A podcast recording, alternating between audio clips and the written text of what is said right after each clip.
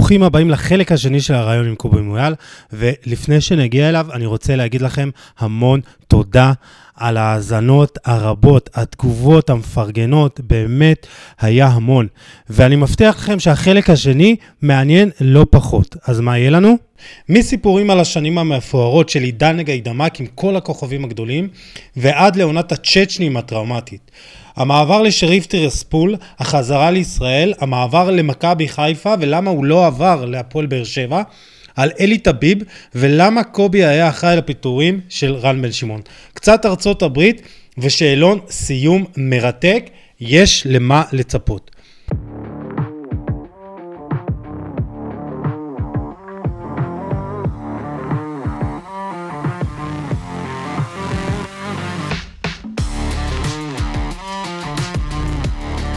בוא נדבר על עוד שחקנים גדולים. אתה הזכרת את זה כזה בקטנה, על לואיס פרננדז. דרך אגב, הוא, הוא המאמן שהעלה אותך לבוגרים בפעם הראשונה? הופעת בכורה שלי, כולם חושבים שהיא נגד הפועל תל אביב בבלומפילד. אמנם היא, היא הייתה בליגה נגד הפועל תל אביב בבלומפילד, ואתה יודע, באותה תקופה הייתי בן 17, ובית"ר ירושלים מקום ראשון נגד הפועל תל אביב מקום שני. איזה שחקן בגיל 17 זורקים להופעת בכורה כזאת? רק משוגע כמוני. אבל ההופעה הבכורה האמיתית שלי הייתה נגד הפועל חיפה. עם אלי אוחנה וגיא אזורי, בגביע הטוטו. ואיך היה, מה, איך הרגשת אז בהופעת הבכורה? התרגשתי מאוד, אה, היה חסר שחקנים, שוב פעם היה חילופים של, היה בתקופה של פניג'ל, אה, כן. היה הרבה שחקנים שלא, שלא עברו בבקרה, אלו שחקנים מהנוער, היה אחד אחד שם נגד הפועל חיפה, אבירם נתן גול, ו... וזהו, כבר, ושנה אחרי, כבר באותה שנה לקחנו את הגביע בנוער, שנה לאחר מכן לקחנו דאבל בנוער, ובא לואיס פרננדז, והביאו לו צ'ק פתוח, עם הרבה מאוד uh, כסף, אמר להם תבחר אחד, שתיים, באותה תקופה אני חושב דודו דן היה יד ימינו של לואיס, הביא שחקנים ברמה מאוד מאוד גבוהה, uh, ולואיס, לשמחתי, והיושר המקצועי שלו, לא זז אף פעם. תשמע, היה באותה תקופה שחקנים ברמה מאוד גבוהה, אם זה היה אלברמן, וזה היה אינסומבו לפני שבואטנג הגיע, והוא נתן לי לשחק. ולואיס הוא אחד כזה, שגם כשחקן הוא גם היה קשר אחורי. הוא ידע לזהות פוטנציאל, והיה לו צ'ק פתוח להביא שחקנים ברמה מאוד גבוהה. אז לואיס הוא כן נקודה בקריירה שהיא מאוד מאוד משמעותית עבורי. אמ, אמרת ו... באחד הראיונות שהוא המאמן הכי טוב שהיה לך בקריירה. כן, אה, אני חושב, אה, אני חושב שלואיס פרננדז וג'ובאני סווארסי, המאמן שהיה לי בניו יורק, שהוא גם היה שחקן גדול בניו יורק שם ברדבולס, אם אני לא טועה, אה, וגם המאמן שהיה לי בשריף, חואן פרננדו, שהוא הגיע ממחלקת הנוער של ריאל מדריד, משלושת המאמנים הטובים שהיו לי. כמובן שיש גם הרבה, הרבה מאמנים ישראלים טובים, אני לא אומר שלא, רוני לוי מאמן מדהים, וגיא לוזון שאימן אותי בבני יהודה, ואלי גודמן בנבחרת, לא חסר מאמנים טובים שאימנו אותי לאורך הקריירה. ויוסי מזרחי שאלה אותי, לבוג... אה, יוסי מזרחי בעונת האליפות הראשונה שלי ב-2006-2007, שזרק אותי למים העמוקים. היה לו הרבה מאוד שחקנים, ויוסי האמין בי. אז אני יכול לומר לך שיש הרבה מאוד מאמנים שלאורך הקריירה שלקחתי מהם הרבה מאוד דברים טובים, אה, ולמדתי מהם, וסליחה אם שכחתי, אם שכחתי מישהו. אה, בוא, בוא, בוא נזכיר קצת את השמות למי ששכח אה, איזה שחקנים. הזכרת רק את הקשרים האחוריים, אבל היה גם אה, בלמים, אריק בנאדו, שמעון גרשון, מיכאל זנברג, אבירם ברוכן כמובן, קורן פיין, דוד אמסלם, ברק יצחקי, עמית בן שושן, עמרי אפק, מילובן, מילובן מירוסביץ' ופרננדז, בואטנג, ואתה כולה, כן, סליחה, לא, לא מזלזול חלילה, אתה בן 19, כאילו אתה, איך אתה מרגיש כשאתה נכנס לחדר הלבשה עמוס באגו שכזה? אז בוא תקשיב, הילדים היום שנכנסים לחדר של מאיר הרוש, ילדים שעולים מהנוער, יש להם אה, חולצה מקופלת עם מגבת וגרביים. אני באותה תקופה, לקחנו דאבל בנוער, והייתי מתלבש בחדר של הנוער, עם בגדים של נוער, וכשהבוגרים היו יוצאים לאימון... היית יוצא. הייתי יוצא לאימון, מתחבר אליהם, ונגמר האימון, יורד להתקלח בנוער לבד. הדברים האלה, ששחקן היום מקבל מהר מאוד הכל, חוזים, אה, סוכנים, כספים, כל מיני דקות משחק, שזה שערורייתי בעיניי, כל מיני דברים, אה, מה כמו שאמרתי, מה שבא בקלות, הולך בקלות. וזה מה שאני מעביר לשחקנים שכל הזמן, אתם צריכים להתאבד על הקריירה שלכם. ושאני, אני זוכר שאני כל יום בקריירה שלי, אני זוכר שהייתי מגיע, אה, הייתי עושה בבוקר אימון עם חנן אזולאי, חנן אזולאי היה המנהל המקצועי של מחלקת הנוער. כן, הייתי עושה זוכר. איתו אימון מול הקיר של 40 דקות, ואז רק אז יוצא לאימון עם הבוגרים של עוד שעה וחצי.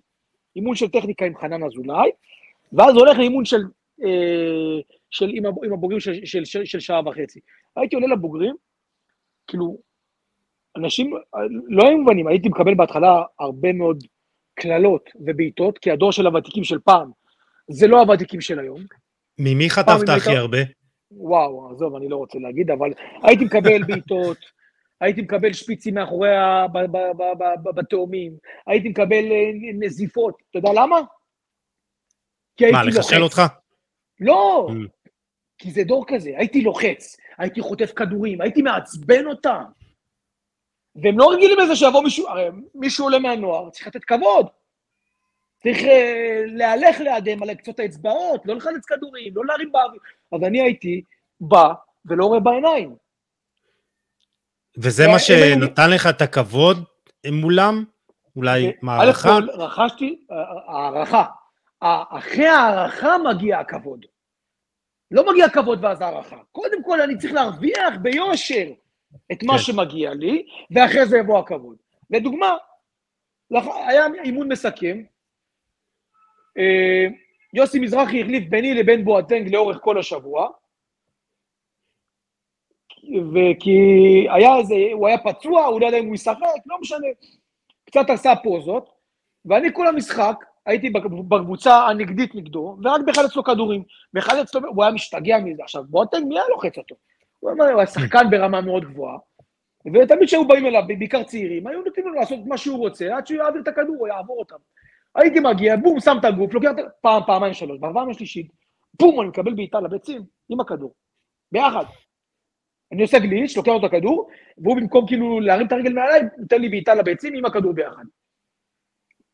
באותו שנייה, אריק בנאדו, שאריק בנאדו ושמעון גרשם הם כאילו מהוותיקים הכי גברים שיכולים להיות, רץ אליו, ושם לו ראש בראש. אמר לו, זה, זה פעם אחרונה, אתה לא עושה דבר כזה. ודרק היה שחקן שמרוויח 800 אלף דולר, זה בערך 400 אלף שקל בחודש, ואני הייתי מרוויח בקושי 3,000 שקל בחודש. יפה. יש לך עוד סיפורים כאלה? זה, זה, אני אוהב את הדברים האלה. ספר עוד איזה חוויה עם איזה, גם אה, פבריס פרננדס היה משוגע. לא? פבריס, כן, כן, פבריס, אבל היה לו קטע עם יוסי מזרחי, עזוב, לא נעים לזה. תראה, יש, יש, יש, יש המון המון חוויות, בעיקר כשהייתי צעיר, הייתי גם סוג של, עד שבאמת קיבלתי את המעמד שלי, והבנתי באמת לאן הקריירה שלי הולכת, הייתי גם סוג של ליצן כזה בחדר הלבשה. היינו, אלירן דנין, שהיום מנהל הקבוצה, אה, היינו חבורה כזאת, אלירן דנין וברק יצחקי ועמית בן שושן, היינו כל החבר'ה, תראה איזה שמות, אבירם ברוכיאן ויצחקי כן. בן שושן, אה, היה ארבטמן באותה תקופה, היינו תמיד, אחרי, נגמר האימון, נשארים ביחד, הולכים לאכול ביחד, הולכים אחרי זה לשחק כל מיני משחקים ביחד, עושים, אנחנו כל הזמן, היום תסתכל כולם, כל אחד נגמר האימון, המאמן שורק, פאק בורח כל אחד לבית שלו, לפינה שלו.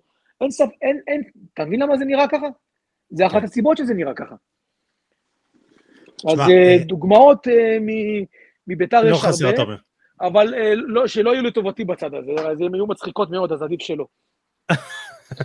לא נורא, אבל תשמע, אני חייב לשאול אותך את השאלה הזאת, אני כמובן, בטח אה, שאלו אותך בראיונות אה, עבר, או מזכיר, אוהבים להזכיר לך, זה המקרה האגדי של אה, טיביריוס דראו, שכבר, זיכרונו לברכה, מבקש ממך באימון בטדי לתפוס את הכדור ביד, ואז אתה נוגח בו, מה, תספר לנו על, על המקרה. אני אספר לך, אני אמרתי לך, אני, לימודים לא היה בראש שלי. אני מגיל צעיר כיוונתי מטרה, ואני לא אומר את זה לשחקנים שלי חלילה. כן. חייבים ללמוד, חייבים לרכוש השכלה, אבל אני הייתי משוגע בראש. היה אימון בוקר, הייתי, הייתי הולך לאימון בוקר, לא הייתי הולך לבית ספר.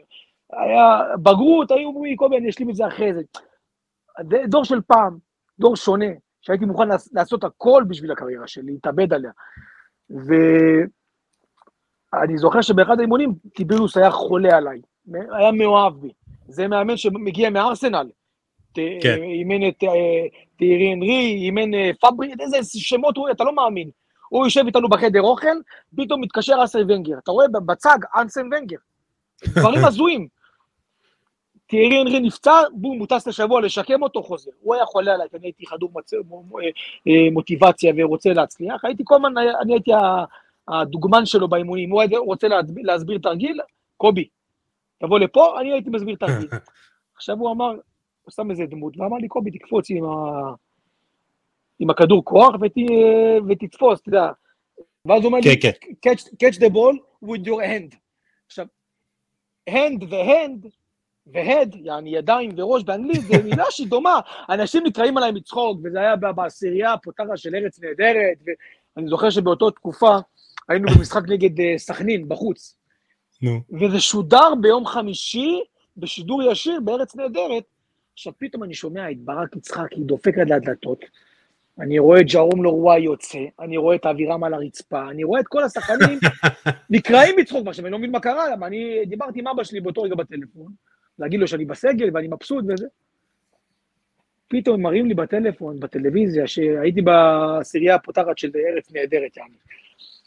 ועכשיו הוא אומר לי, קובי, אתה יודע, תחזיק את הכדור ב, ביד. עכשיו, אתה יודע, הנד והד זה דומה, והיה לו מבצע צרפתי. אז זה... קיצור, זה, זה, זה, אין מה לעשות, זה, זה נתפס לך ואתה מקבל את זה באהבה, אתה אומר. אני מקבל את הכל באהבה. את הפציעות שלי, את ה, כמובן את ההצלחות שלי, את הכישלונות שלי. אה, היום אני מקבל מה... את זה באהבה. כן. ברור, זה חלק, זה חלק מההצלחה. מי שלא יודע להתמודד איתם, ומי שלא יודע לקבל אותם, גם לא יגיע לאן שהוא רוצה. אה, טיביריס דראו היה משוגע, נכון? כאילו, פסיכופת כזה בקטע טוב, כאילו, של מאמן כושר, לא? וואו, אחד מהגדולים שעברתי. כמובן שעברתי הרבה, דרור שמשון, והרבה מאמנים, אה, מאמני כושר ברמה מאוד גבוהה, אה, בעיקר בחו"ל גם, ואני יכול לומר לך שהוא באמת, הוא איש מקצוע מדהים. רוב האימונים שאני עושה היום לשחקנים, אה, חימום, ויש כאלה שחוזרים משיקומים חזרה למגרש, שכבר נוגעים בכדור, עוד אני אומר, כן. הרבה מאוד תרגילים זה תרגילים שדומים לו. אז זה גם אחת הדוגמאות של, אה, של, אה, אתה יודע, של מאמן, שחקן של עבר, שלוקח דברים מהעבר שלו ומנסה, לומד אותם ומנסה ליישם אותם להיום. בואו בוא נתקדם קצת בקריירה. עברת, שחית באליפות, היית חלק מאותה עונה של אה, ביתר, לא שיחקת הרבה, אבל עברת אחר כך לשתי עונות השאלה בהפועל כפר סבא ובני יהודה, איזה משהו שאתה זוכר משם, או שנתקדם כבר לחזרה שלך לביתר כשחקן הרכב? בכפר סבא אני בקושי זוכר, אני זוכר שאחרי עונת האליפות שלי הלכתי לבני יהודה. אני זוכר שהיינו במחנה אימונים עם יצחק שום, הנה רצית סיפור, בבקשה. כן. עשיתי מחנה אימונים מדהים, היה במירלו, בהולנד. מחנה אימונים באמת מדהים, ויצחק שום, וכולם מחמיאים לי ופה ושם, והוא הנחית את, אה, את בורטנג באותו רגע.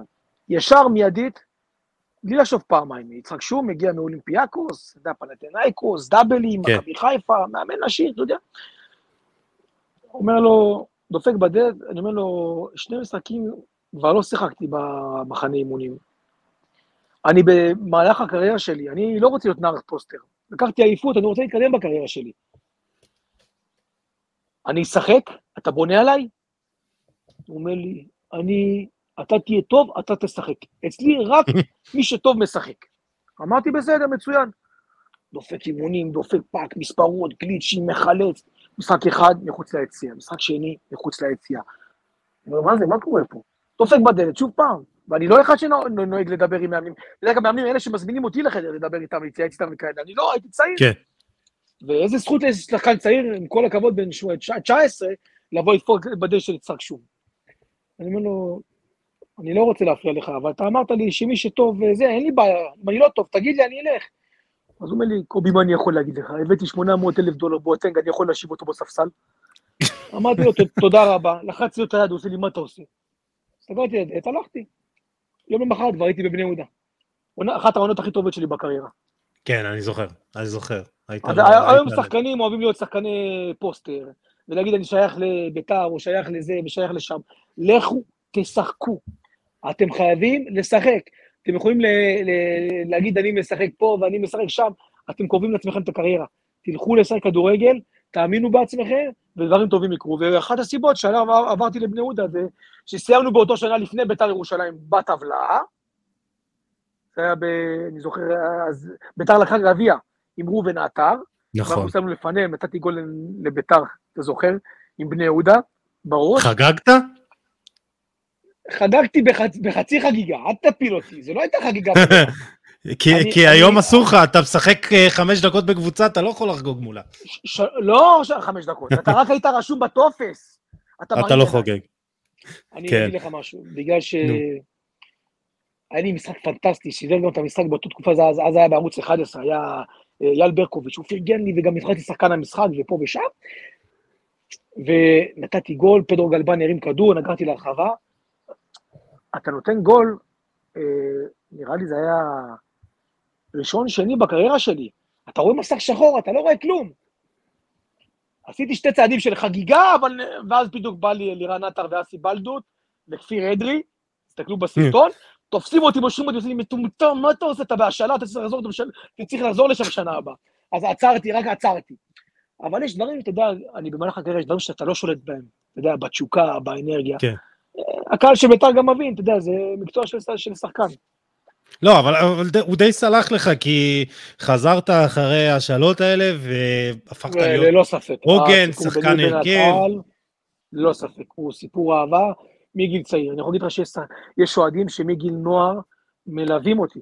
עד היום, אני יכול להגיד לך שאני מסיים, לפעמים כשאני מסיים את האימונים והולך לשידור ברדיו, שולחים לי הודעות, וואי, קובי, איזה כיף לשמוע אותך, כמו במגרש עם מלא תשוקה, אנחנו לא זוכרים את היום, אה, אנחנו לא שוכחים את היום שעלית למגרש. כיף לראות את התגובות האלה, כיף לראות אה, אוהדים ש... תשמע, תמיד יש את האוהדים החדשים, שהילדים, את- הקומץ, אבל בסופו של דבר, אה, הקהל, החיבור שהיה לי לקהל של בית"ר, הוא היה באמת מדהים. זו, זו הייתה תקופה, למי שלא זוכר או שכח, זה, זה היה אחרי הכסף הגדול של ארכדי גיידמק. אה, הקבוצה התקיימה, אתה יודע, אה, שנה אחרי שנה מעצמה, מכוח האנרציה, אני, אני אומר, ל- לשלומי אהרוני, שותפך ברדיו לפני שנתיים בערך, בידיעות סיפרת שהרגע הכי גדול שלך היה דווקא משחק בית מול הפועל תל אביב, עונת 2012-2013, שיחקת אתה, אריאל הרוש, אבי ריקן, בן שושן, עמית, אה, שי חדד, מתן אה, בראשי, חן עזריאל, ניצחתם 3-2, למה בחרת? כמה, שחקני בית אמרת? אה, אחד, תשעה. שתיים, שלוש, ארבע, חמש, שש, שבע, שבעה. לא, יכול להיות שאולי היה- היה עוד. שכחת, כן. דן אייבינדר או מישהו מהם גם. יכול להיות, אוקיי. למה אתה בחרת דווקא את הרגע הזה? כי אני אגיד לך משהו. אה, א' כל לנצח אה, את הפועל תל אביב אה, בטדי במשחק סופר חשוב, עם קהל מטורף. אה, היינו תשעה שחקני בית באותה תקופה. זה הייתה, לפי דעתי זה היה העונה של הצ'צ'נים, נכון? אה, אה, לפני אולי. אה, כן, לא, לא, כן, כן. לא, זו הייתה עונה של נכון. הצ'צ'נים. אנחנו פתרנו את נכון. העונה עם, אלי כהן השריף. אלי כהן אומר, מה זה? מה יש בסגל הזה? אין פה כלום, אין לו פה. הוא הביא. שתי זרים, דינוש גבורץ וגלבינה מקרואטיה. נכון. עשינו פתיחת עונה, יוסי, מטורפת. ניצחנו את מכבי תל אביב ברבע גמר, אם אני לא טועה, ברמת גן. ניצחנו את הפועל תל אביב באותו שנה, פעמיים, גם בחוץ בבלומפילד וגם בטדי. לא זוכר מתי ביתר אי פעם ניצחה את הפועל פעמיים, רצוף. אה, היינו תשעה שחקני בית, היינו מחוברים לקהל, אני מדבר איתך משחק בית, אה, נגד קבוצה תחתית, בום, 15-20 אלף. בום, 15... משחק גדול, אתה לא יכול למצוא כרטיס. לאבא שלי לא היית יכול למצוא כרטיס. בדברים כאילו הזויים. החיבור היה משמעותי. ואמרתי לך, כאחד, תשמע, צחקתי באצ'טקה עם נבחרת ישראל נגד מקסיקו, 90 אלף צופים. ברור שזה אחד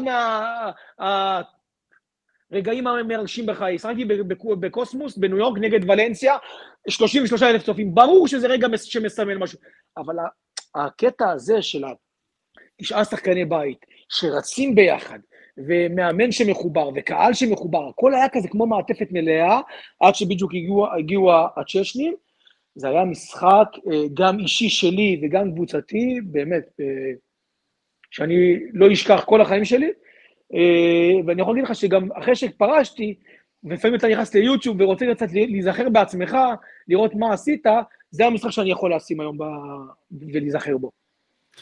זה, זה, זה, זה מדהים, ואני זוכר את אותה עונה, הייתה מרגשת, וזה מדהים שבאותו רעיון... שניצחנו ברגע האחרון בסכנין.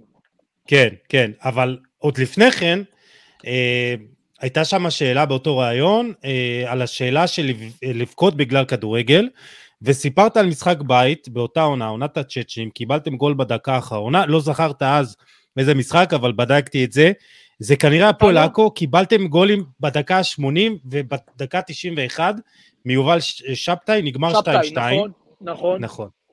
נכון. וסיפרת שהרגשת דקירה בלב, ירדת לחדר הבלשה והתפרקת, ושלא היית השחקן היחידי שזה קרה לו. זה היה עד כדי כך טראומטי?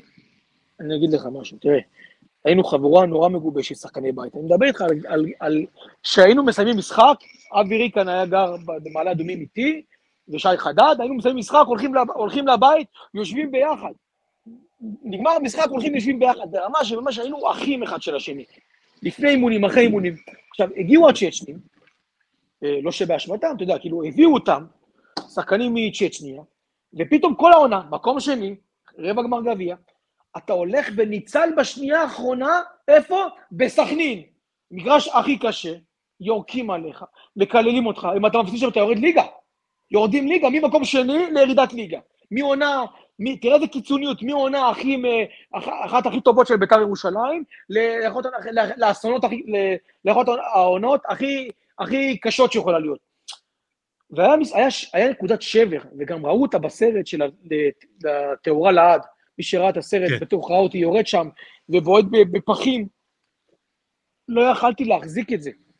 כשחקן הייתי משחק עם הרבה מאוד רגש. אה, ואני יכול להגיד לא לך... לא שמרת בבטן. לא שמרתי. הייתי... כמו שאתה אומר, אתה לא בן אדם ששומר בבטן. אני לא בן אדם ששומר בבטן. אה, היום אני קצת יודע יותר לעבוד עם הראש, אבל כשחקן, בעיקר צעיר, הייתי עובד עם הרבה הרבה מאוד רגש. אה, ואני יכול להגיד לך שבאמת, אני כאילו איבדתי את זה. אני יכול להגיד לך שברמה שהייתי מגיע לבית, והייתה לי אז, באותה תקופה, אשתי, שתחי, הייתה לי, אה, הייתה בת זוג שלי, חברה שלי, לא הייתי יוצא לקנות חלב, מה, מהפחד, מהאוהדים, מהבושה, להגיע, עכשיו, כל מקום שאתה הולך זה קובי מויאן, אתה נכנס לקניון, קופצים עליך, אתה הולך, לא הייתי נכנס לקניון חצי שנה, אתה הולך למכולת, המוכר, ראית מה עשיתם, ראיתם איך אתם נראים, כולם יש להם, אני חוץ מלכת ליום שישי לאימא שלי לאכול ארוחת ערב, לא הייתי יוצא מהבית. אז תבין גם כמה המועדון הזה היה מחובר אליי, ואם אחרי זה ניגע, אתה יודע, כשרציתי לחזור, אתה תמיד גם כמה נפגעתי בגדול. כן. אז אני יכול להגיד לך שהייתה נקודת שבר, גם נגד נתניה וגם נגד עכו, שהפתענו בדקות הסיום, אם אני לא טועה, והאיצטדיון היה ריק, היו מגיעים 100-200 מועדים, מ-20-30 אלף, 100-200, וגם ה-100-200 רק מקללים אותנו, אבל אנחנו לא אשמים. אנחנו גדלנו במועדון הזה, אנחנו הענקנו בו הכל. אה, בסופו של דבר, אתה יודע, נגמרה העונה, אני כבר, אה, אני הייתי יחסית בעונה מצוינת אה, עד, עד מה שקרה עם הצ'צ'נים, ומפה כבר, אתה יודע, התקדמתי, יצאתי כן. לחו"ל, אלי טביב הגיע, רכש את המועדון. אבל, אבל לפני זה, לי... לפני זה, אני, אני דווקא רוצה שנתמקד בעונה הזאת, כי היא הייתה טראומטית לא לך כמובן, כמו שאמרתי, אריאל הרוש אה, אה, שילם מחיר אישי כבד. עד היום. וגם, וגם היום, גם, ב, אתה יודע, העונה, שהיה דיבור, שמועות שאולי הוא יחזור, היו, עלו שאלות, טוב, כיצד יקבלו אותו בקהל, אבל גם ז'אן טלסניקוב, שעשינו איתו פרק, סיפר לנו שהעונה הזאת די גרמה לו להחליט שהוא לא רוצה יותר לאמן. זה, זו הייתה זה, עונה ש... ש, שגרמה להרבה אנשים פצע בלב. נכון, נכון. אני יכול להגיד לך שאני הייתי תקופה עם פצעים בפנים, מלחץ. כן. אתה יודע מה זה שאתה קפטן, גם, הייתי גם סוג של קפטן בקבוצה בחלק מהמשחקים. אה, הכל על הגב שלך, הרבה מאוד צעירים, הרי אבי וחן עזריאל ובראשי, וכל השמות שאתה אומר, זה שחקנים שכאילו, אני שנה, שנה וחצי מעליהם, אני כאילו נרשם כבוגר, אני בן 23, כן. אני נחשב הוותיק, כי אני כבר לקחתי אליפות, ואני כבר כביכול אה, שחקן מוביל בקבוצה. וזה פשוט לא נתפס. אתה, אתה, אין לך יום, אין לך לילה, כל אימון מתפוצץ, כל אימון אבנים, כל אימון אה, אה, שרפו את החדר הלבשה. לא יודע, דברים, דברים שהם, שאתה היום מסתכל עליהם אחורה, אתה אומר, בוא'נה, זה, זה, זה חלום בלהות. ואני גם באותו שנה, אני יכול להגיד לך שיצאתי לשריף כבר בסוף העונה, אבל אני, אני כבר כאילו, כמו שהשלמתי בפרישה שלי, ככה גם השלמתי באותה תקופה שאני כבר השארתי את בית"ר בליגה, ירדה לי נשימה עמוקה, ירדה לי אבן מהלב. ויכולת לעזוב בלב שלם, כאילו. כן, כי נסיעות לקריית שמונה, לסכנין, למשחקים האלה, זה דיכאון. נסיעה של שלוש שעות, זה דיכאון. הנסיעה עברה לי מסכנין לירושלים, אחרי שנשארנו בליגה, וואי, אתה לא מבין. אתה לא מבין, רק חיכיתי שתיגמר העונה. אז uh, ציינת את זה שנשארתם בליגה, וגם מאז אלי טביב הגיע, ועברת לשריף טירספול, אלופת מולדובה, ואז, אתה יודע, מי בכלל הכיר uh, שיש כדורגל במולדובה, אבל את האמת, כשהיא ניצחה את ריאל מדריד בעונה שעברה בליגת האלופות, כאילו, קיבלו את האסמכתה שיש קבוצה כזאתי. קודם כל, ספר לי על המעבר הזה. מי קיבל אסמכתה? אתה קיבלת אסמכתה. לא, אני הכרתי עוד לפני, אבל אוהד הכדורגל... אתה מודע לזה, אתה מודע לזה, יוסי עדני, ורק כשנתתי לחו"ל אני הבנתי את זה, שאנחנו ישראל, נקודה בגלובוס, שחוץ ממלחמות ושנאה, לא מכירים בנו. לא כדורגל, אולי מכבי תל אביב, מכבי חיפה. אז אנחנו להגיד על שריף טירספון, קבוצה שמשחקת 14, 15, 16 שנה קבוע במפעלים אירופאיים וליגת אלופות ובתים של ליגה אירופית, להגיד עליהם, אז זה, זה קצת נראה לי, אנחנו בוא ניכנס לזה. א' כל בוא תכניס את משהו קצת, משהו לטובתי. אמרת לי לפני השידור, קובי, חצי שעה, 40 דקות, אנחנו כבר נראה לי שעתיים בטלפון, אז נראה לי שאני, שאני מסקרן מאוד. מה, אתה גנוב? אני, אני מבחינתי תמיד, ב, אנחנו שעה 23 דרך אגב, ואם אתה, יש לך זמן, אני בכיף אה, יכול אה, להאריך. אני עוד מעט צריך, אה, עוד מעט יאללה, אז... אני מתחיל אימונים, אבל לא, לא, אבל יש לי, יש לי זמן, תקשיב. מעולה. היה לי, היה לי הצעה, הצעה מלוזן, הסוכנים שלי קצב, אדם קידן הביא לי הצעה מלוזן, משוויץ, ועוד הצעה משוויץ. שתי הצעות משוויץ, שעל פניו יוסי, איך זה נראה? שווייץ, מדינה מתקדמת, גובלת עם גרמניה, נו. אה, אה, עם אה, אוסטריה, מלא סקאוטרים, ואז יצא משריף טירספול, שלומי בן עזרא, אני נראה לי השחקן הראשון שהוא הוציא לחו"ל, שריף, הסוכן של מנור היום, כן. מנור סלומון, הוא הביא לי הצעה משריף טירספול. אני כמוך לא מכיר, למה? עונה לפני זה, באים צ'רנמוריץ אודסה, שמים לאיציק אורנפיין, אז היה שוער שלי, שוער ביחד, לקחנו אליפות, ואחרי זה בעלים של, אה, יושב ראש של בית"ר ירושלים, שם 700 אלף יורו על הכרטיס שלי, כדי שאני אעבור לצ'רנמוריץ אודסה, הוא לא שחרר אותי. עכשיו, צ'רנמוריץ אודסה זה באוקראינה, גם מדינה כן. מתקדמת. פתאום אני מקבל הצעה ממולדובה, משריף טירספול, אני אומר לעצמי, מה זה? מה פתאום? אין סיכוי בעולם. זה לא מה שחלמתי, זה לא מה שרציתי. אין סיכוי שאני הולך לשם. אבל זה כבר בשלב של קריירה, שאני כבר פחות עובד עם הבטן ויותר עם הראש. יש לי מסביבי, אה, כמו שהיום יש למנור סלמון ולהרבה שחקנים, ערן זהבי, יש להם מעטפת, גם באותה תקופה אני הייתה לי, היה לי מעטפת, היה לי סוכנים, שהלכו איתי 18-19 שנה, שזה רונן וגלעד קצב, אה, ושלומי בן עזרא שהוציא אותי לחו"ל, והיה לי דן ולנסי מאמן מנטלי, ואבא שלי שהוא מקצוע מדהים, ש... והייתה לי את אשתי, שאתה יודע, היה לי מעטפת, והיה לי מאמן, עוד מאמן אה, כושר שהייתי מתייעץ איתו, היה לי מעטפת טובה, וכבר חשבתי הרבה מהראש ולא מהבטן. ואמרתי, רגע, תעצור שנייה, אל תשלול, תיכנס. בדקתי, חקרתי, מסעדות, בתי קפה, כאילו זה בסוף, כמובן, מתקנים. כן. אה, אה, אה, כל נקודה, איפה נמצא המגרש, איך נראה המגרש, איזה צבע משחקים, ירדתי לפרטים הכי הכי הכי קטנים. אני פתאום נכנס ליוטיוב ואני רואה את הקומפלקס שלהם, אתה רושם ביוטיוב, שריף טירספול קומפלקס, חמש פעמים זכה כקומפלקס הכי מפואר באירופה. 16, 17, 16, 17 מגרשי אימון, מגרש, מגרשי טניס, מסעדה שרק לאקדמיה, אקדמיה רק לילדים קטנים, אה, מסעדה שכאילו רק לקבוצה הבוגרת, בריכת שחייה, חדרי, משהו מטורף. אני אומר, אני נוסע לשם. אני הולך לשם. אני יודע שהליגה שם חלשה, אבל אני חושב על הקריירה שלי. מה אני אעדיף, ללכת ללוזן, שאמצע טבלה ומטה בשוויץ, או ללכת לקבוצה שלוקחת אליפות, אה, שאמורה לקחת אליפות על הנייר, ומשחקת במפעלים אירופאיים. אז לא חשבנתי מה יגידו הכתבים, מה יגידו הפרשנים, אה, מה יגידו אנשים סביבי. אה, פשוט הלכתי ואמרתי לעצמי שמעכשיו אני מתרכז רק בכדורגל. הגעתי לשם, ראיתי משהו מדהים.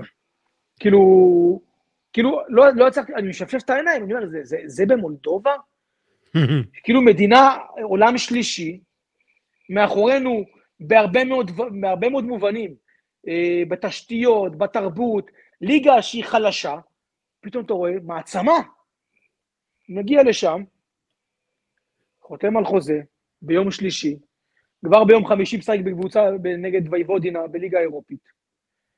חותם על חוזה יפה, ברוך השם. יש גם משם סיפור מצחיק.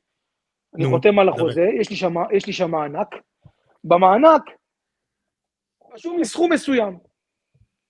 נתתי משחק של החיים נגד וייבודינה, הנשיא, שהוא אוליגרך, בצורה מטורפת, באמת מקורב לפוטין והכול, הוא גם אה, מוליגרך מאפיונר, כאילו ברמה, באמת, אין דברים כאלה. הגיע ל... עשינו אחד-אחד, הייתי באמת מצטיין, מגיעים לשם לאודיטוריום, אומרים הבעלים מגיע. עכשיו, הבעלים בחיים לא יצטרך קשר עם שחקנים, אם הוא מגיע, קרה משהו. אני מגיע לשם, כולם יושבים באודיטוריום, שבעה ברז... ברזילאים יש לנו בסגל, שתיים מסרביה, שתיים מקרואטיה, סנגל, אה, אה, גאנה, תשעה עשר זרים היינו בסגל. פתאום הוא בא אומר, מתחיל, הוא עומד על הבמה, נכנס עם, אה, אתה יודע, עם שומרי ראש וכאלה, פוצ'ימוי, בלאט, נחוי, פוצ'ימוי, בלאט, נחוי, מתחיל לדבר ברוסית ולקלל וזה, עובר אחד-אחד, היה לנו כוכב אחד, לובנור אנריקה, כוכב כדורגל באמת, נכנס לשם, אומר לובנור, פוצ'ימוי, פוצ'ימוי, עובר לריקרדיניו, ברזילאי, פוצ'ימוי, מה, מה, מה, פתאום מגיע ישראל כי, ישראל כי, פה, פה, פה, פה, פה, והייתה מתורגמת לידי, אני לא מבין מה הוא רוצה. הוא יוצא על כולם, בקללות וזה, פתאום הוא אומר, איפה אני יכול... ואז שאלתי אותו, מה קרה, עשיתי משהו? ואז היא אומרת, עכשיו הוא שואל אותך שאלה. עכשיו, אני עוד שנייה, משתין במכנסיים מפחד. זה לא בן אדם רציני, אתה יודע. הוא אומר, איפה אני יכול למצוא ישראלים כמוך? משהו כזה. ופחדתי, אז עכשיו הוא אומר ללובנור וריקרדינו, שתי הברזילאים, הוא אומר להם, לובנור, פוצ'ימוי, בלה, טה טה טה טה טה, שתי הבונוסים שלהם עבור המשחק, הם שולחים אליי. תבין לאיזה מצב הכניס אותי. שאני שלושה ימים הגעתי, שפתאום כל העיניים עליי כי דפקתי משחק טוב, ופתאום הנשיא אוהב אותי, אני כמו הבן שלו, והבונוסים שהם צריכים לקבל, ותאמין לי, זה בונוסים כבדים מאוד, הוא אומר להם, אתם לא מקבלים את הבונוסים בגלל ששחקתם גרוע, אתם נותנים את הבונוסים שלכם לקובי. למחרת הגעתי לחדר הלבשה, אני פותח את התא שלי, מחכה לי שם שלוש, שלוש מעטפות. קובי, ועוד שתיים שהם לא שלי. מה אתה עושה במצב כזה, יוסי? אה, שאלה טובה, אני כאילו עדיין בהלם מהסיפור, כאילו מהשומרי ראש, אני, הלב שלי היה יורד בתחתונים. כל משחק שהוא היה מגיע, נו. כל משחק שהוא היה מגיע, היה מגיע עם שלוש-ארבע מכוניות של פג'רו, אחריו, הוא היה מגיע, אתה יודע, כולם עומדים דום, באמת, הוא היה, הוא היה באמת באמת אוהב אותי, והיחיד שהיה לו דיבור, נגיד היינו משחקים נגד טוטנאם, הוא לא הסכים לי לשחק. יצאנו נגד, אה, עשינו 2, אה, הפסדנו 2-0 נגד טוטנאם בליגה האירופית בטירספול, ואז יצאנו ללונדון. עכשיו, אני הייתי עם קרע בשריר, קרע קטן של מתיחה של עשרה ימים. הוא מתקשר לשם, הנשיא, שהוא אוליגרך, הוא מה עכשיו, אתה יודע, שריף בשבילו, כן. הקבוצת כדורגל זה טיפה בלב ים. הוא יש לו סופרמרקטים, תחנות דולק, הוא, הוא הכל שם. הוא מתקשר ואומר למאמן, קובי לא משחק נגד uh, טוטנאם בלונדון. ואני איזה בלאגן עשיתי במלון בלונדון. אתה לא מבין איזה, חוץ מזה להזמין לי משטרה, עשו, עשיתי שם הכל. אמרתי, בואנה, אני הגעתי עד לפה, לחור הזה, בשביל המעמדים האלה, אני לא אשחק, פתאום הבן שלו נכנס. הבן שלו בא ללונדון, הוא נשאר שם, במולדובה, הבן שלו הגיע ללונדון, הוא גם אהב אותי מאוד, והיה בינינו חיבור טוב. אמר לו, תקשיב, התחלתי לבכות לו ולמאמן, תקשיבו, זה הקריירה שלי, בשביל זה הגעתי לפה. והוא אומר לי, קובי, תקשיב, יש לנו נגד משחק נגד, אה, נגד אה, אנג'י מחצ'קלה מרוסיה, עוד עשרה ימים בליגה האירופית. משחק שהוא סופר חשוב, שמכניס הרבה מאוד כסף. אם אתה תיפצע נגד טוטנאם, אתה תקרע לעוד חודשיים, כי השריר אתה תקרע אותו יותר, יותר קשה, אתה תהיה בבעיה, אנחנו נקנוס אותך, אנחנו נעיף אותך, אנחנו ככה. אמרתי להם, לא מעניין אותי, אני לא מרגיש כלום, אני מרגיש מצוין. יוסי, אני לא יכול ללכת. לא יכול ללכת. מרגיש מצוין, עושה אימון בחצי הליכה, דופק זריקת וולטרן בישבן, פאק, עושה עוד אימון הכנה, עוד זריקה, לפני המשחק עוד זריקה, כבר אני בשלוש זריקות בשלושה ימים, לוקח כדור לפני המשחק הטפלם, מקבל בשמונה סאן, הכי טוב על המגרש. מי שיחק באותה תקופה בטוטנאם? אריקסון, אריק למלה, אה, דפו, אה, המגן ימני של מנצ'סטר סיטי היום, פרננדיניו, פאוליניו, באמת, וואו. עשינו אחד-אחד אה, בלונדון, אם אני לא טועה, ובאמת נבחרתי שם כשחקן מצטיין, באמת, דקה 65-70 הוא הוציא אותי, כי כבר פחד לסכן אותי, והנשיא נשם לרווחה, וגם אני. אתה אומר, גם שנשארת בריא וגם שנשארת בחיים מהאוליגר. כי לא החמרתי, לא החמרתי את הפציעה, ואז הוא נתן לי שלושה ארבעה ימי חופש, ואחרי השלושה ארבעה ימי חופש האלה, אה, שיחקתי אחרי זה עוד 90 דקות נגד אנג'י מחצ'קלה, ויצאנו בתוצאה מצוינת שקיבלנו בדיוק את מה שהוא רוצה. אה, סך הכל מבחינת התנאים שם במולדובה, אה, אני מניח שזה אתה יודע, כדורגל שונה, אה, מגרשים אחרים, אם אתה אומר שה... אה, אתה יודע, התנאים של שריף טובים, ושאר המועדונים זה פחות, לא? אתה מגיע לשם, אתה תופס את הראש, אתה לא רוצה לפתוח את העיניים. אתה אומר, מה זה? בוא נגיד 1970, אוקיי? מבחינת המדינה, התשתיות, הבניינים, הקבוצות, האצטדיונים של הקבוצות. אתה מגיע לשריף, אתה רואה 2050 בפיוטר, כמו העתיד. אתה רואה, אתה יודע, היום אני יכול להגיד לך, שהרבה קבוצות של אה, מאמנים הולכים, הולכים לשם לעשות קורס, קורס, אה, קורס מאמנים במולדובה ולראות את המתקנים. אז אחד מהמאמנים גם שהיה, שהלך לשם יום אחד, שלח לי הודעה מאוד ארוכה בפייסבוק, קובי, אתה לא מבין איך אוהבים אותך במולדובה. אמרתי לו, לא הבנתי איך הגיע לזה. ואז הוא אומר שהם היו בקורס מאמנים שם, הלכו לראות את המתקנים, ויש שם כאילו תמונה גדולה שלי במנהרה של האיצטדיון, כי אז באותה תקופה היינו באמת קבוצה מובילה. אה, והוא אומר ש, איך, אה, שידעו שהם ישראלים, אז כל הזמן אמרו קובי, קובי, קובי, קובי, כי אני הישראלי הראשון שהגיע לשם, והיחיד עד היום. כן. אז, אה, אז כאילו, אתה יודע, נתפסתי שם כמו במעין, כמו במעין של סמל ישראלי כזה. שעד היום אני בקשר שם עם כל האנשים, דרך אגב.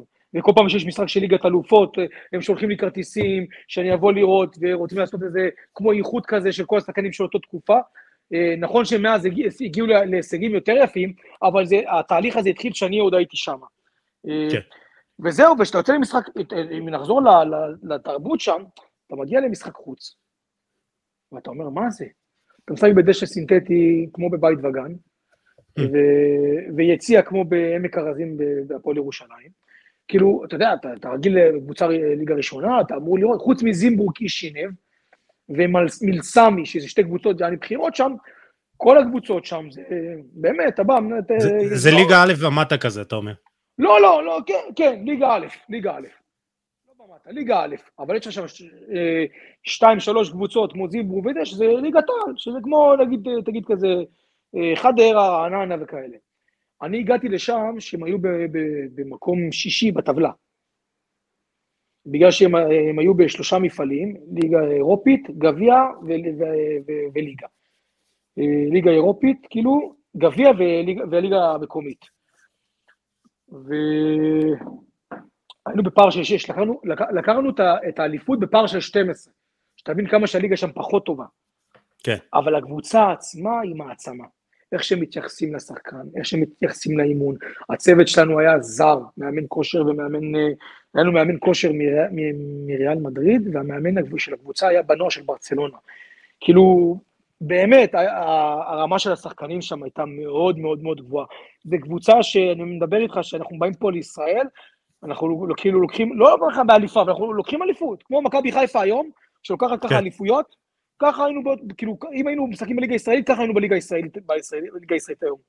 וגם אחרי זה ראית ששריף בא נגד אה, הפועל באר שבע פה בליגה האירופית, ראית 3-3 בטרנר, זה קבוצה, ואחרי זה נגד ריאל מדריד, ואינטר שהיא ניצחה אותם.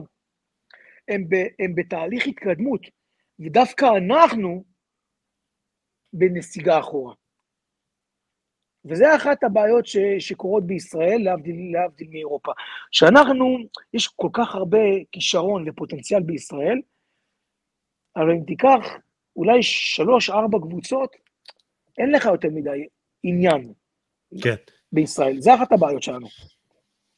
Uh, טוב, דיברנו על זה מקודם. Uh, בוא, בוא נתקדם למכבי חיפה.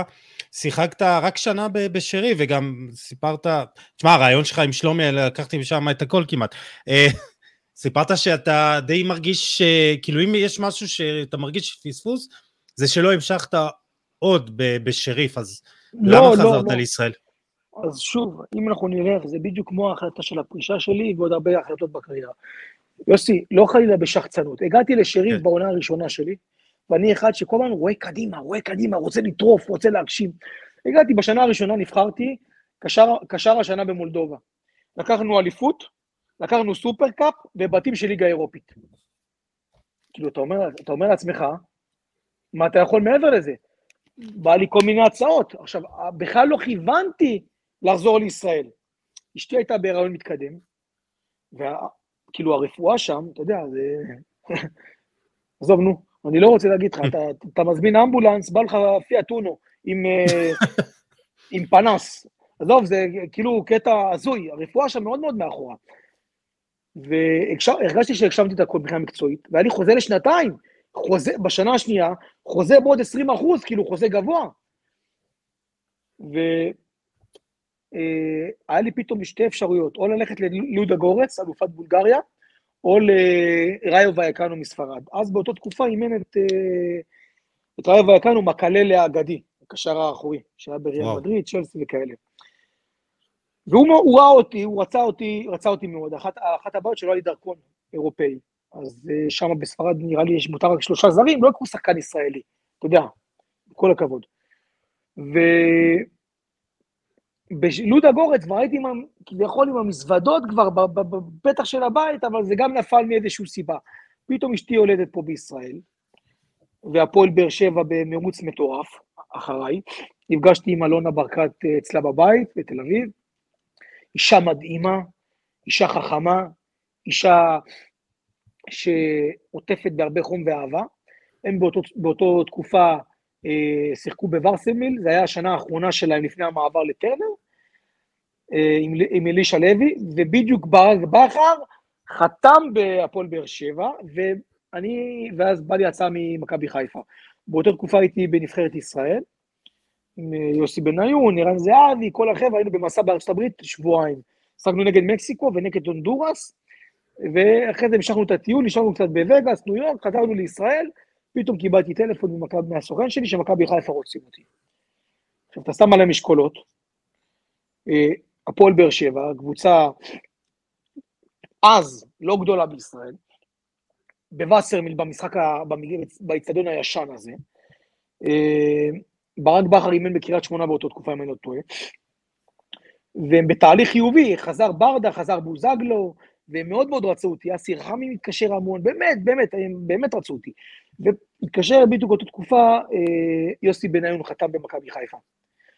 הביאו צוות זר, לראשונה לישראל צוות זר למכבי חיפה, סמי עופר חדש. אתה שם את זה על המשקל, אתה יודע... אתה אומר, אתה לא יכול לוותר על זה. אתה אומר, מכבי חיפה משחקת אה, אה, קבוצה מוכשרת, שחקנים מוכשרים, אה, מועדון יציב לאורך שנים, בעל בית אה, רציני, אה, קבוצה מאותרת בכדורגל הישראלי, סמי עופר חדש בעונה הראשונה, יוסי בניון האגדי, חוזר מליברפול, צ'לסי, ארסנל לישראל, הוא חוזר למכבי חיפה. צוות זר, אני יכול להגיד לא? חתמו אלירן עטר, שכטר, ורמוט, יוסי בניון, תראה איזה שמות אני נותן לך פה. קובי מויאל הקטן. פתחתי, חתמתי לשנתיים שם, ויתרתי על ההצעה מבאר שבע. אה, פתחתי דווקא יחסית טוב מאוד, הקהל מאוד מאוד התחבר אליי, והקהל של מכבי חיפה הוא מאוד טובעני. מי שלא גדל במחלקת הנוער או מזוהה, הוא לא כל כך מחובר אליו. הקהל של מכבי חיפה, אני יכול להגיד לך, עד היום, הוא מאוד מאוד אוהב אותי. ולראיה גם שאתה יודע, מכבי חיפה שיחקה נגד פריס סן ג'רמן, הם שלחו לי, לליגת אלופות, שלחו לי כרטיסים, לי ולילד שלי. כי hmm, נכנסתי, נכנסתי להם שם ללב, גם למערכת עצמה. הם שחקו, שלחו לכל השחקני עבר, אבל רק מי שעשה מעל הופעות מסוימות, לזה לא הגעתי, כי קראתי את הרצועה, או מי שהביא איזה תואר מסוים, ואני, לקחנו גביע שם באותה תקופה עם רוני לוי. בשנה הראשונה אה, הלך לי טוב, פתחתי דווקא אחלה, מצוין, עם אלכסנדר אה, סטיונוביץ', המאמן הזר. מחזור 12, קראתי את הרצועה הצולבת נגד מכבי תל אביב בגמר גביע הטוטו. אה, בשנה השנייה חזרתי לאחר מכן אה, ממש בתחילת העונה עם רוני לוי. רוני לוי החליף את אלכסנדר סטניוביץ', רוני לוי מכיר אותי כבר משלוש קדנציות, פעמיים בבית"ר ירושלים, ועכשיו אחד במכבי חיפה. שיחקתי אצלו די הרבה, הוא יודע שהחזר, הוא רוני גם אחד שקרא את הרצועה הצולבת כשחקן, הוא גם ידע להכניס, להחזיר אותי בהדרגה, היה לא פשוט. כי, כי היה, היה לא פשוט כי היה לך גם שיקום ארוך, וגם אחרי זה עוד, פצע, עוד פציעה, כאילו, קראת לא, את לא, התאומים. השיקום הוא הפוך, השיקום הוא לא היה ארוך. בדרך כלל לפציעה כמו שלי אומרים חזרה של שמונה, שישה חודשים, שישה, שמונה חודשים. אני, היה לי נזק סחוסי מעבר לקרע בצולבת והמיניסקוס והחלק, והרצועה הפנימית, היה לי גם, היה לי גם חלק, אה, חלק בסחוס שנפגע. שהרופאים שלי אמרו לי, קובי, זה שנה. אני חזרתי אחרי שישה חודשים, שזה כאילו רק משוגעים חוזרים אחרי דבר כזה. אז אולי זו הייתה טעות בדיעבד? בדיוק. בגלל החזרה המוקדמת שלי, באו לי הרבה מאוד פציעות קטנות אחרות, בטן תחתונה, מפסע, אחורי, תאומים, אבל עדיין שיחקתי הרבה משחקים, המשכתי לשחק אצל רוני לוי, גם מחליף, גם בהרכב. מה גרם לך לחזור מהר? סליחה שאני מתעכב איתך על זה. אה, שוב פעם, השיגעון, ואתה יודע, משחקן נבחרת ישראל ושחקן בכיר במכבי חיפה, להיות פתאום, אה, לקרוע את הרצועה, אתה רוצה לטרוף את העולם, אתה בכלל לא רוצה לחזור לישראל אחרי שריף טירספול, אתה להמשיך לאירופה, כל האופציות באירופה נפלו בגלל דרכון אירופאי. והיום אה, בחרת במכבי חיפה, המזל הלך לרעתי, מועדון באמת שאני מאוד אוהב ואני מעריך אותו, כי באמת הוא גם לאורך השיקום. זה מועדון שידע אה. יודע לטפל בשחקנים שלו. אני יכול להגיד לך שצריך גם לדעת איפה להיפצע. אני יכול להגיד לך שבמקומות אחרים לא היו מתייחסים לשחקנים כמו שהתייחסו בחיפה. הייתי פעמיים באיטליה בשיקום, והם עזרו לי. וגם בישראל, כל מה שביקשתי הם נתנו לי. ינקלה הוא בן אדם מדהים, עוזי מור נתן לי את כל הזה מסביב. המנהל קבוצה באותה תקופה היה אדורם קייסי, רוני היה לו אה, הקשבה והערכה אליי. אה, הם ידעו שאני גם מאוד מאוד להוט לחזור. אז לקראת סוף העונה גם כבר חזרתי, השלמתי כבר כמה פעמים 90 דקות, ניצחנו את בית"ר ירושלים בסמי עופר, ויום בהיר אחד רוני לוי התקשר אליי, אני זוכר, הייתי עם אשתי ועם הילדה באוטו, פתאום אני רואה רוני לוי על הצד. עכשיו, אני, מחוד, אני מסוג השחקנים של פעם. מאמן, מאמן מתקשר אליי, אני כאילו כולי בבעלה, אני עומד דום, זה לא כמו היום, אתה יודע, ילדים חוצפנים, מעזים להתקשר למאמן. אני, אתה יודע, רואה מתקשר, אני אומר לילדה, תצאי מהאוטו, שלא תבכה, תיעדן, תהיי בשקט, אל. נבהלתי, אמרתי, מה קורה רוני מתקשר אליי? הוא אומר לי, קובי חמוד, מה שלומך? עכשיו שזה קובי חמוד, אתה יודע, זה... אני כבר בן 30, זה לא... כבר אתה לא חושב. כן. עכשיו, הוא אומר לי כמה הוא אוהב אותי וכמה הוא מעריך אותי, כי אני יודע, כי גם בביתר הייתי בשבילו הרבה מאוד אה, אה, שנים שם, עזרתי לו, וגם שחקתי בשבילו, וגם, לא רק בשבילו, בשבילי, אבל גם בעיקר, היה בינינו חיבור מצוין. הוא אומר, תקשיב, אני יודע בדיוק מי אתה, ואיזה תשוקה יש לך לכדורגל, ומה המטרות שאתה מסמן, אני יודע שאתה לא יכול להיות שחקן אה, ספסל. כל החיים שלך היית שחקן הרכב. אני הולך להביא בתפקיד שלך זר, אתה אחרי פציעה קשה, אתה תחזור, אני יודע שאתה תחזור, אני מכיר אותך. אני חושב ש, ש, שאתה לא תקבל מספיק דקות בשנה, בשנה, בשנה השלישית. עכשיו, כאילו, תקשיב, כאילו, עם כל הכבוד, נגמר לי החוזה, יכול להגיד לי ביי ושלום ישראל. הוא מתקשר כן. והוא מסביר את הסיטואציה, שזה לא מובן מאליו. יכול להגיד לי קובי בפוסט באינסטגרם, תודה רבה על שנתיים, שלום, למרות, תראה, לקחנו גביע, זכיתי בגביע, במכבי חיפה. כן. ו... והוא אמר לי שהוא יודע, יודע שאני שחקן הרכב כל החיים, וקשה מאוד פתאום לרדת להיות שחקן, אה, שחקן משלים, וזה כנראה מה שיקרה במכבי חיפה. הוא אומר לי, אבל אני חושב, אם אתה שואל אותי, אתה צריך, אתה צריך לחזור לבית שלך לביתר ירושלים. אמרתי לו, בוא נראה, טביב לא רצה אותי אז בתקופה שיצאנו לאכול אותי ואת אבי ריקן, אז למה שהוא ירצה עכשיו? ואז בא, ואז נגמר, אה, נגמר השנה, היה כמה גישושים עם בני יהודה, נתניה וכאלה, וגיא לוזון מתקשר אליי. גיא לוזון סגר בביתר ירושלים, אומר לי, קובי, אני רוצה אותך, קשר אחורי, גיא לוזון אימן אותי בבני יהודה, הוא יודע מה אני שווה, אמרתי לו, אבל אלי טביב, אתה יודע, ב... הוא אומר לי, אתה יודע, אני, הוא לא מאמן שאפשר לקבוע לו גיא לוזון. פתאום אני שומע שיש חילוקי דעות בין גיא לוזון ל... ל... לאלי טביב, ואז ממנים את רן בן שמעון. רן בן שמעון גר שתי בניינים לידי בחיפה. רן בן שמעון ראה אותי כל בוקר יוצא, בשיקום שלי, יוצא לבריכה, חוזר בצהריים לחדר כושר, יוצא בערב במגרש. שלושה אימונים ביום, כמו משוגע, לא בית, לא ילדים, לא אישה, הזנחתי הכל, כדורגל, כדורגל, כדורגל. הוא היה רואה אותי יוצא עם משקפת, המשקפת כבר הייתה, הייתה עליי כבר באוטו. ברמה כזאת כן. שאני הייתי חדור מטרה. עכשיו, גיא, גיא, אה, רן בן שמעון גם העריך אותי כשחקן, ואז הוא חתם בסוף בביתר. וחתמתי בביתר ירושלים, עשינו קמפיין מדהים באירופה. אה, זיו אריה היה עוזר מאמן שלו באותה תקופה. אה, שיחקתי, פתחתי את רוב המשחקים בהתחלה באירופה, טוזלה, ניקוסיה, ואחרי זה כבר בליגה, אה, אפשר להגיד שרן בן זימון אה, עזב את ביתר ירושלים בגלל קובי מויאל. ותשאל למה. למה? רן בן שמעון כבר, אה, בגלל שלא נשאר כבר מה לעשות באירופה, נשאר רק את הליגה, ולא, אתה יודע, אלי תמיד אמר אנחנו לא נרד ליגה, אנחנו לא ניקח אליפות, אני רוצה להריץ שחקנים, קובי כבר בן 29-30, אני לא יכול למכור אותו.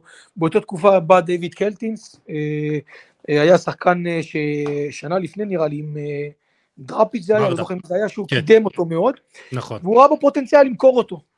עכשיו, אלי טביב וגם רן בן שמעון חושבים וחשבו שאתה יודע, קובי יותר מנוסה, יותר טוב, ואני שיחקתי רוב המשחקים. אבל ברגע שראו שכבר אין מה לעשות, אה, מבחינת אה, תארים, טבלאות, התוצאה והטבלה, אז הם החליטו שהם רוצים להריץ את, אה, את קלטינס. ואלי טביב אמר לרן בן שמעון, אם קובי משחק אתה תלך הביתה. שיחקתי, שיחקתי, שיחקתי, שיחקתי, עד שפעם אחת זה היה ממש רציני, הוא אמר לו, תקשיב, אני רוצה ש... הוא אמר, תקשיב, אבל קובי, אני צריך את הניסיון שלו, אני צריך את הזה שלו, אני חושב שהוא, דוד עוד לא בשל, ודוד, דרך אגב, חבר שלי טוב עד היום, אחלה ילד שבעולם, שחקן מדהים. מכיר אותו ואימנתי אותו ומחזק אותך. אני רק אומר את הסיטואציה שהייתה, ובסוף, אה, היה, אפילו זה היה כותרת ביציע עיתונות. יציע העיתונות היה עם רון קופמן, נדב צנציפר, לא זוכר מי זה היה, ונדב צנציפר פותח בכותרת, רן בן שמעון פוטר בגלל קובי מויאל. אם, אם, אם אני משחק נגד בני יהודה, אז רן בן שמעון הולך הביתה. רן בן שמעון הלך עם האמת שלו, אבל הוא גם, הוא גם הלך הביתה. ואם נתחבר אה, לזה שהוא הולך, אחד המאמנים הכי טובים היום בארץ, אז אה, זה בגלל שהוא תמיד הלך עם האמת שלו. ואני חושב שהוא איש מקצוע מהטופ שלוש בישראל. אני, אני מניח שאלי טביב הוא לא דמות שאתה אוהב ומתחבר אליו.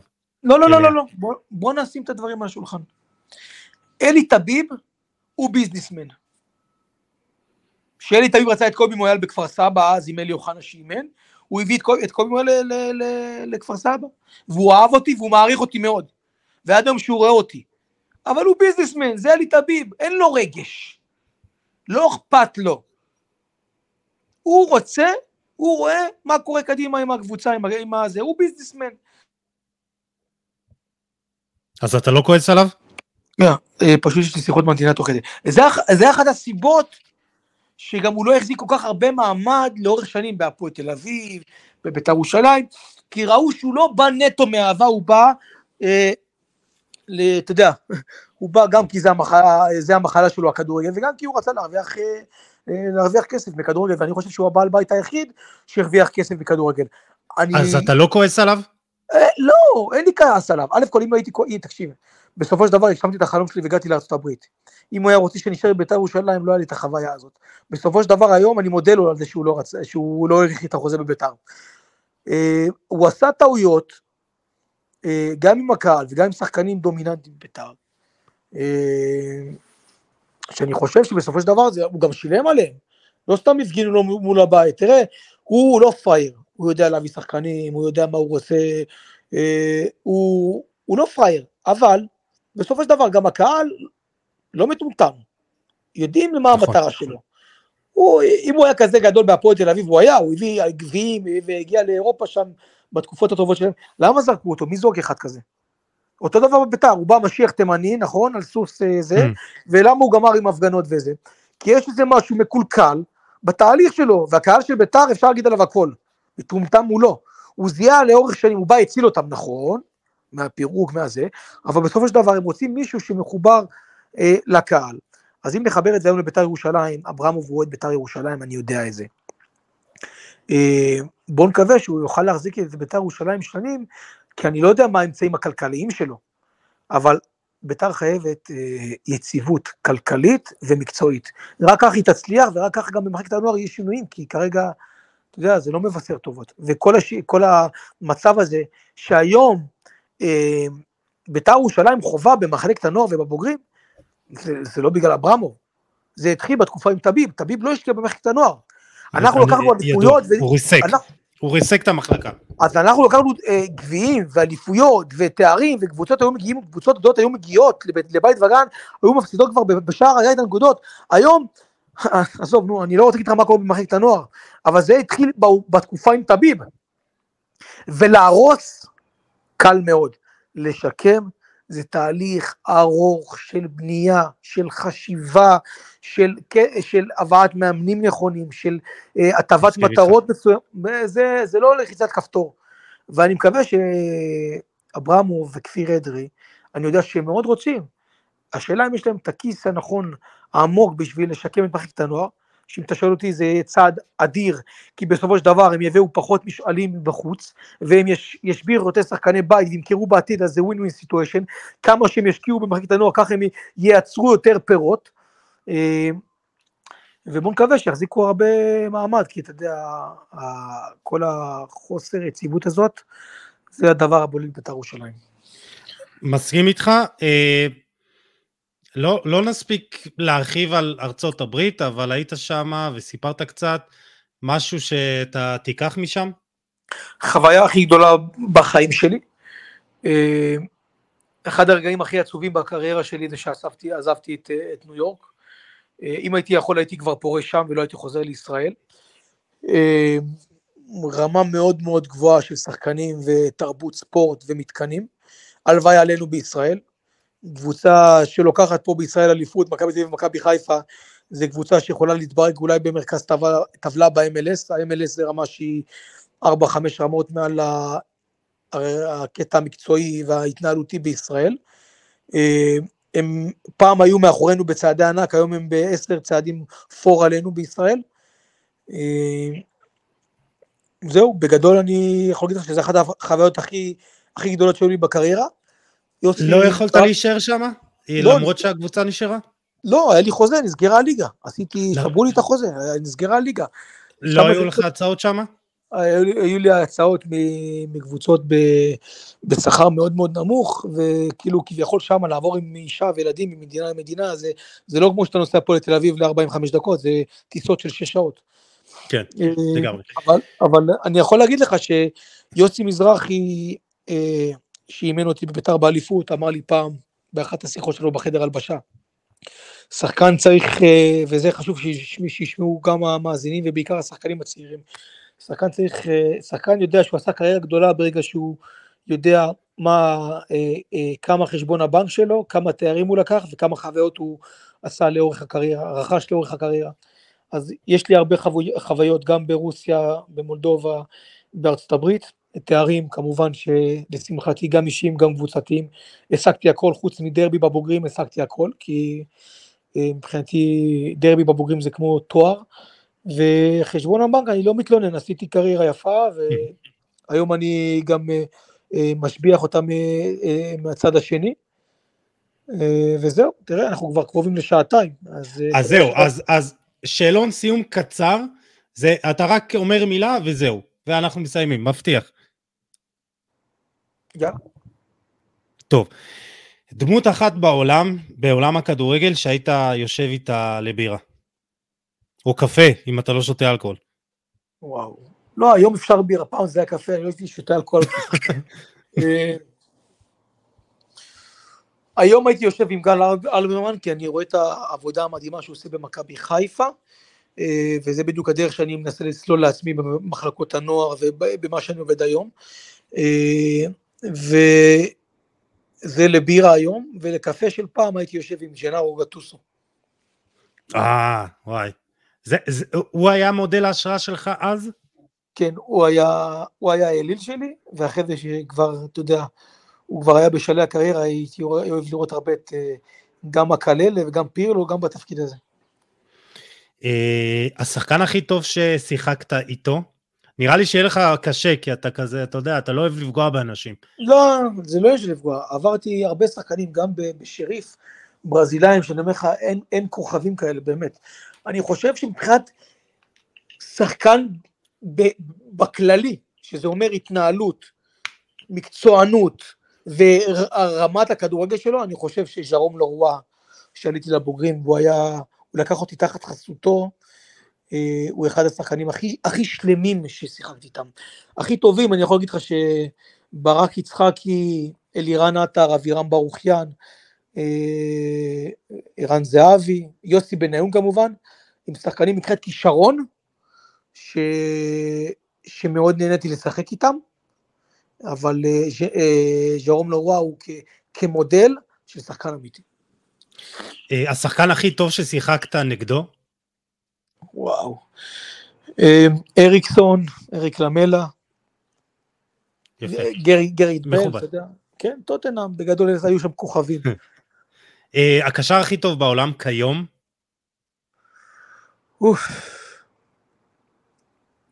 או מי אתה אוהב לראות את המשחק שלו? אתה לא, מה, אתה לא רואה כדורגל? אני פחות, אני חושב קנטה. הוא פצוע כבר. אתה אוהב את לא, הקשרים התזזיתיים האלה, כן. אה, לא, אתה שואל בכללי, אני חושב שקנטה הוא הקשר המודרני. אה, היום בישראל, הקשר הכי טוב, אה, האחורי, או קשר העתיד של אה, ישראל? מי אתה רואה מוביל את הנבחרת שלנו? תראה, אני יכול להגיד לך שאני, כשקראתי את הרצועה במכבי חיפה, אז נטע לביא בדיוק עלה מהנוער לבוגרים, על התפר. ואני פתחתי לו את הדלת בזה שנקרא לי הרצועה במכבי חיפה, ומאז זה היסטוריה. אני חושב שנטע לביא הוא עשה התקדמות אה, מדהימה ב... לאורך השנים, ואני חושב שבאמת הוא היום, כקשר אחורי, הוא באמת אה, מהקשרים המובילים והמודרניים ב- בישראל, ואני חושב שהוא גם ייתן את הטון גם, גם בנבחרת, ואני חושב שהוא עשה החלטה אה, טובה מאוד עבורו.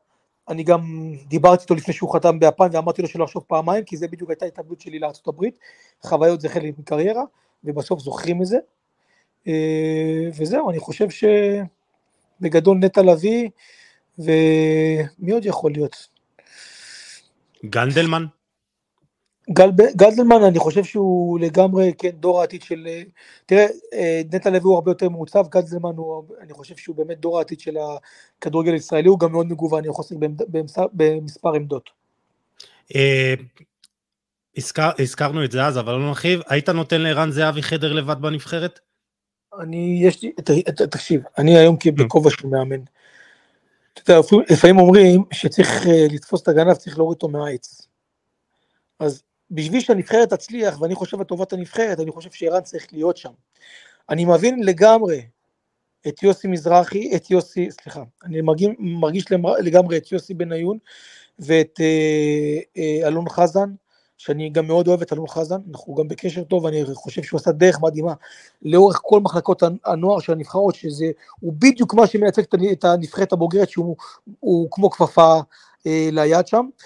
ו- ויוסי עם כל מה שעבר לאורך השנים שלו שם, מבחינת אה, אה, כשחקן, אני מאוד מעריך אותם. אני פשוט חושב שאם השיח היה שונה בין, אני לא הייתי בתוך השיחות בין ערן לבין יוסי ואלון, והיו מנסים להוריד את, ה, כמו שאני אומר, את הגנב מהעץ, כולם היו מרוויחים, אני יכול להבין את ההתנהלות שהם רוצים שכולם יישנו בזוגות וכולם יחיו, יאכלו באותו חדר אוכל ביחד ולא יהיה ערבים ויהודים ויהיה אחדות ו, ו, וכולם יהיו שווים. קצת צרם לי לקראת הסוף שהוא אמר שהוא, שערן היה מוכן לרדת לבד מהעץ והוא אמר שהוא מוכן כל השבוע לישון לב, אה, עם זוג, עם, אפילו עם השחקן הכי צעיר, עם אוסקר גלוך, ואז... אה, בלילה שלפני משחק. אתה אומר, היית נותן לו בלילה שלפני משחק לישון לבד. אם, אם מקצועית הוא טוב לי, ואני יודע שהוא מקצוען, ואני יודע שהוא עושה את זה למטרות הנבחרת, כי הוא לא עושה את זה בשביל, אה, הוא עושה את זה בשביל להכין את הגוף שלו הכי טוב, והוא לא רוצה להפריע, יש לו את ה... אתה יודע, את ה, אני יכול להגיד שבחו"ל, גם אני בשריף שהסרתי וגם בארצות הברית, שבניו יורק, הייתי, הייתי בניו יורק היינו בחדרים זוגיים, ובשריף שהייתי מבקש חדר לבד, היו מביאים לי חדר לבד. כי אני גם הייתי משוגע, הייתי עוד לשים לי דודו אהרון באותה תקופה, ולשמוע מוזיקה, ולקום מוקדם לעשות בטיחות, לא, לא היה מזה אישו גדול. אפשר לקחת את הצד של יוסי ואלון, ואפשר לקחת את הצד של ערן שהוא דבק במקצוענות שלו וביושר שלו, זה היושר של אלון ושל אה, יוסי, וזה היושר של ערן, שניהם צודקים, שניהם אומרים את האמת שלהם, אף אחד לא משקר פה. כן. אני חושב שלטובת הנבחרת הם היו צריכים לרדת כל אחד קצת מהעץ לטובת הנבחרת. ואם בנימה, אתה יודע, לא בחלילה באיזה, אם להיות ישר, אם מאוד היו זקוקים, זקוקים לערן מבחינה מקצועית, אני חושב שזה היה נפתר הרבה יותר מהר. אני חושב שפה תמונה אולי ה... אה, ה... פה, פה טמון הכלב, איך אומרים? אה, כן. אני חושב ש, ש, שאלון חזן ויוסי בניון מייעדים חושבים שנבחרת ישראל עדיף לה לטווח הארוך לא להזמין את ערן זהבי. זה בסדר גמור, זה לגיטימי שהם מסתכלים רחוק והם רואים גם את מחלקות, את הנבחרת הצעירה ורואים דור עתיד, אם אתה שואל אותי, אין גיל לשחקן כדורגל, נכון. וערן הוא מקצוען, הוא סופר מקצוען, הוא לא מקצוען, ואחת הסיבות שהוא ויתר על החלום שלו והוא יודע כמה אוהב את נבחרת ישראל, זה בגלל שהוא חשוב לו המקצוענות הזאת, אז אני חושב ש, כן. שפה כן היו, היו יכולים אה, להסתדר, להסתדר מעט. אני שוב חושב שאם זה היה, אתה יודע, העניין המקצועי, פה היה דגש יותר משמעותי, אז כן היו מגיעים להבנות. אבל אה, חבל, חבל בסופו של דבר, כי אנחנו רוצים לראות את הנבחרת תצליח.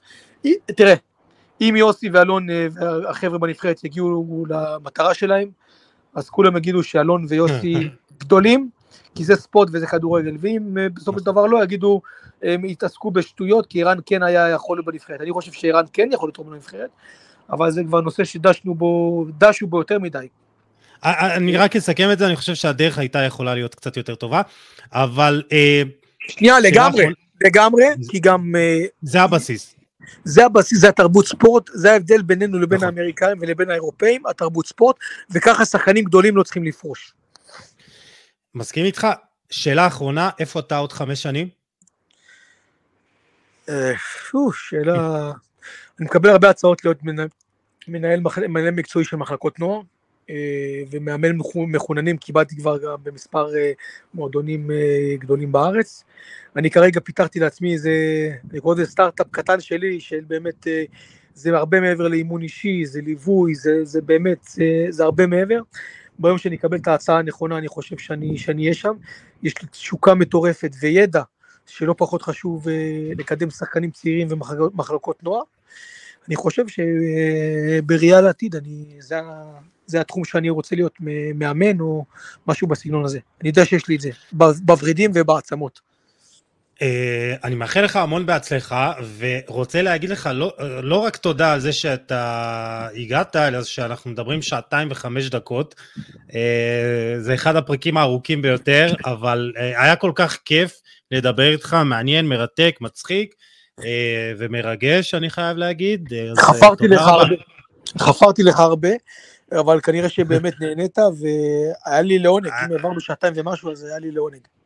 היה לי כיף. אה, אז תודה רבה, ובהצלחה בפיתוח אה, דור העתיד של אה, כדורגל הישראלי. ואני אפרד מהמאזינים, תודה לכם שהייתם איתנו.